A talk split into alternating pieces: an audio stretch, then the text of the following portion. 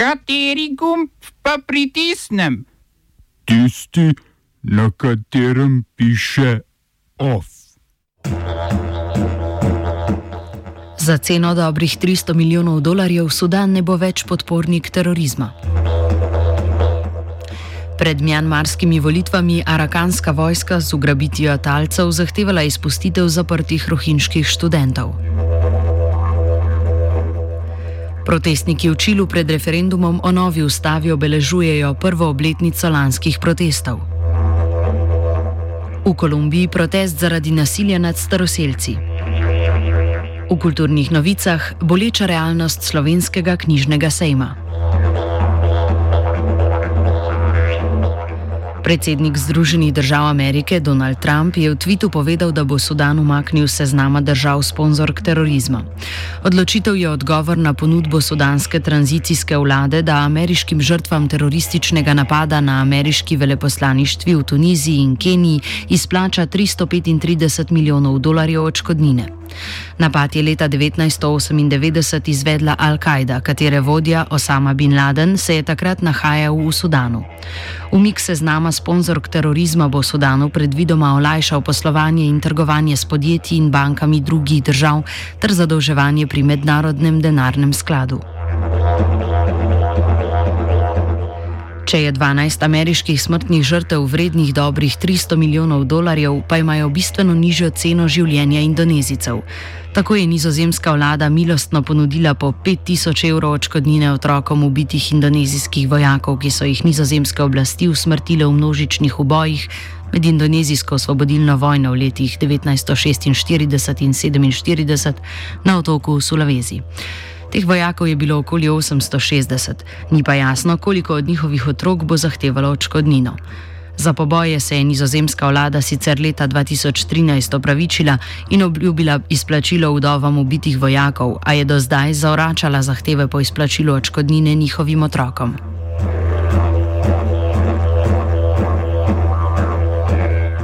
Rohinjska osvobodilna vojska Arakan Rohingya je, je ugrabila tri poslanske kandidate iz vladajoče stranke Narodna liga za demokracijo Mjanmarske državne svetnice, torej vodja vlade Aung San Suu Kyi. V zameno za izpustitev kandidatov zahtevajo naj oblasti izpustijo rohinjske študente, ki so jih aretirale na protestih v zadnjih tednih. Ugrabitev se je sicer zgodila dobra dva tedna pred načrtovanimi parlamentarnimi volitvami 8. novembra, ki bodo druge volitve, odkar v Mjanmaru ni več na oblasti vojaška hunta. Na njih bo predvidoma slavila trenutna vladajoča Aung San Suu Kyi stranka. Ta je v zadnjih letih sicer vodila vojaške pogrome nad druhinjskim prebivalstvom, ki si prizadeva za večjo regionalno avtonomijo. Mjanmarska vojska je tako odgovorna za številne genocidne pokole rohinjskih civilistov, zaradi katerih je bilo več kot 700 tisoč rohing primoranih zbežati v sosednji Bangladeš, kjer životarijo v begunskih taboriščih, drugi pa so ostali v Mjanmaru kot brezpravni prebivalci. Tako je opazovalec Združenih narodov v Mjanmaru izjavil, da prihajajoče volitve ne bodo pravične in svobodne, saj je številni rohinjski populaciji odzeta volilna pravica. Volilna komisija pa je že napovedala, da, polovico, da polovica prvotno načrtovanih volišč v zvezdni državi Rakhine ne bo obratovala.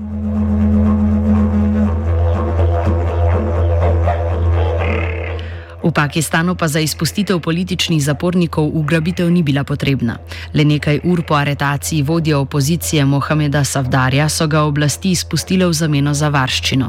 Priprle so ga malo pred ponedeljkovim protestniškim shodom zaradi njegovega nedeljskega protestnega govora pred mauzolejem ustanovitelja Pakistana Mohameda Alija Džine. Savdar je sicer zet nekdanjega dolgoletnega pakistanskega premijeja Navaza Šarifa, odstavljenega v korupcijski aferi.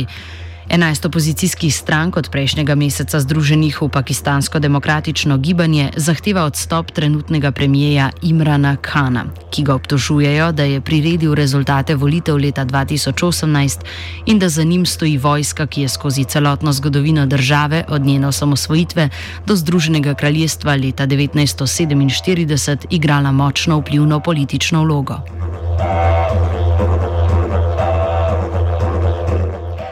V Čilu so več tisoč glavi protesti obeležili prvo obletnico lanskega vala protestov, ki je zahteval reforme v pokojninskem, izobraževalnem in zdravstvenem sistemu ter novo ustavo. Tokratni protesti pa ne predstavljajo le protestniške nostalgije, ampak se odvijajo le nekaj dni pred referendumom o morebitni novi ustavi, ki se ima zgoditi 25. oktobra. Trenutna ustava namreč izvira še iz časov diktatorja Augusta Pinocheta.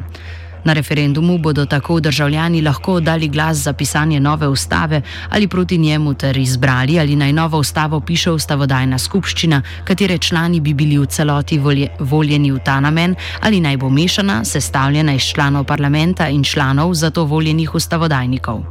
Če bi se večina odločila za novo ustavo, bi bili predstavniki v ustavodajno skupščino predvidoma izbrani z ločenimi glasovi od občinskih volitvah.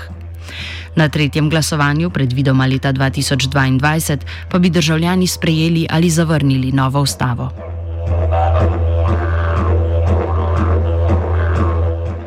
Več tisoč protestnikov se je zbralo tudi v Kolumbiji. Staroseljci, med katerimi so mnogi v Bogoto na proteste potovali tudi po teden dni, so zahtevali srečanje s predsednikom Ivanom Dukejem zaradi naraščajočega nasilja nad staroselskim prebivalstvom. To je izbruhnilo po podpisu mirovnega sporazuma vlade z marksistično-leninistično skupino FARC oziroma Revolucionarne oborožene sile Kolumbije leta 2016, po katerem so nekatere rivalske obtožene skupine zasedle izpraznjene poti in območja trgovine z drogami, ki so bili prej pod nadzorom FARC-a. Predstavniki staroseljcev trdijo, da so oborožene skupine le v zadnjih dveh letih ubile 167 staroseljcev. Razvoj infrastrukture v ruralnih predeljih države in pomoč ruralnim skupnostim, vključno staroseljskimi, sta bili dve od obvez vlade v, sporazumu, v podpisanem sporazumu, ki pa jih, če gre verjeti protestnikom, ni izpolnila.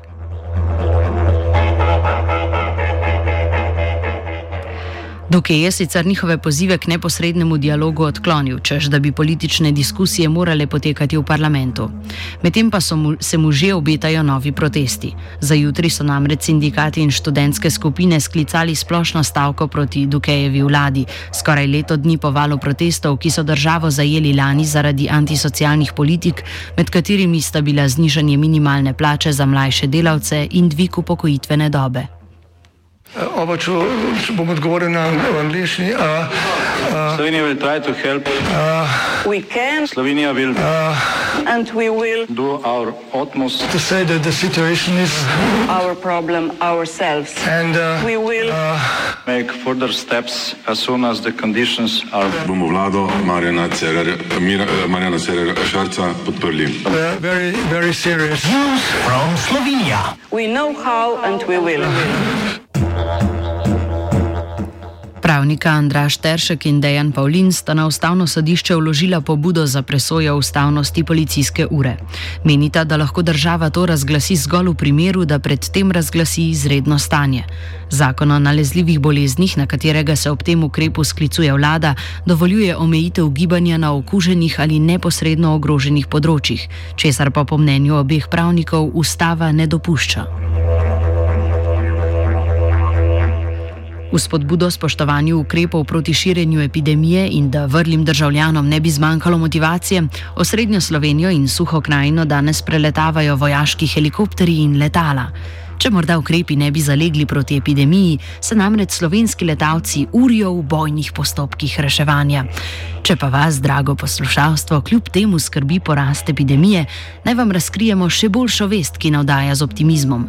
Ministrica za pravosodje Liljana Kozlovič je povedala, da gradnja novega zapora na Dobrunjah poteka po načrtih. Kot so tvitnili z ministrstva, je investicija prepoznana kot eden izmed strateških projektov za okrevanje po COVID-19.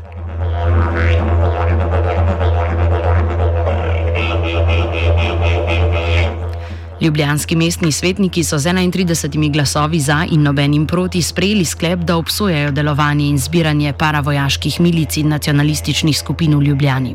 Sklep so predlagali svetniki Levice, medtem pa sta NSI in SDS neuspešno predlagala njegov umik z dnevnega reda.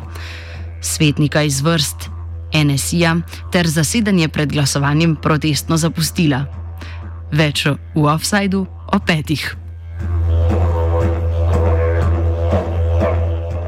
Off je pri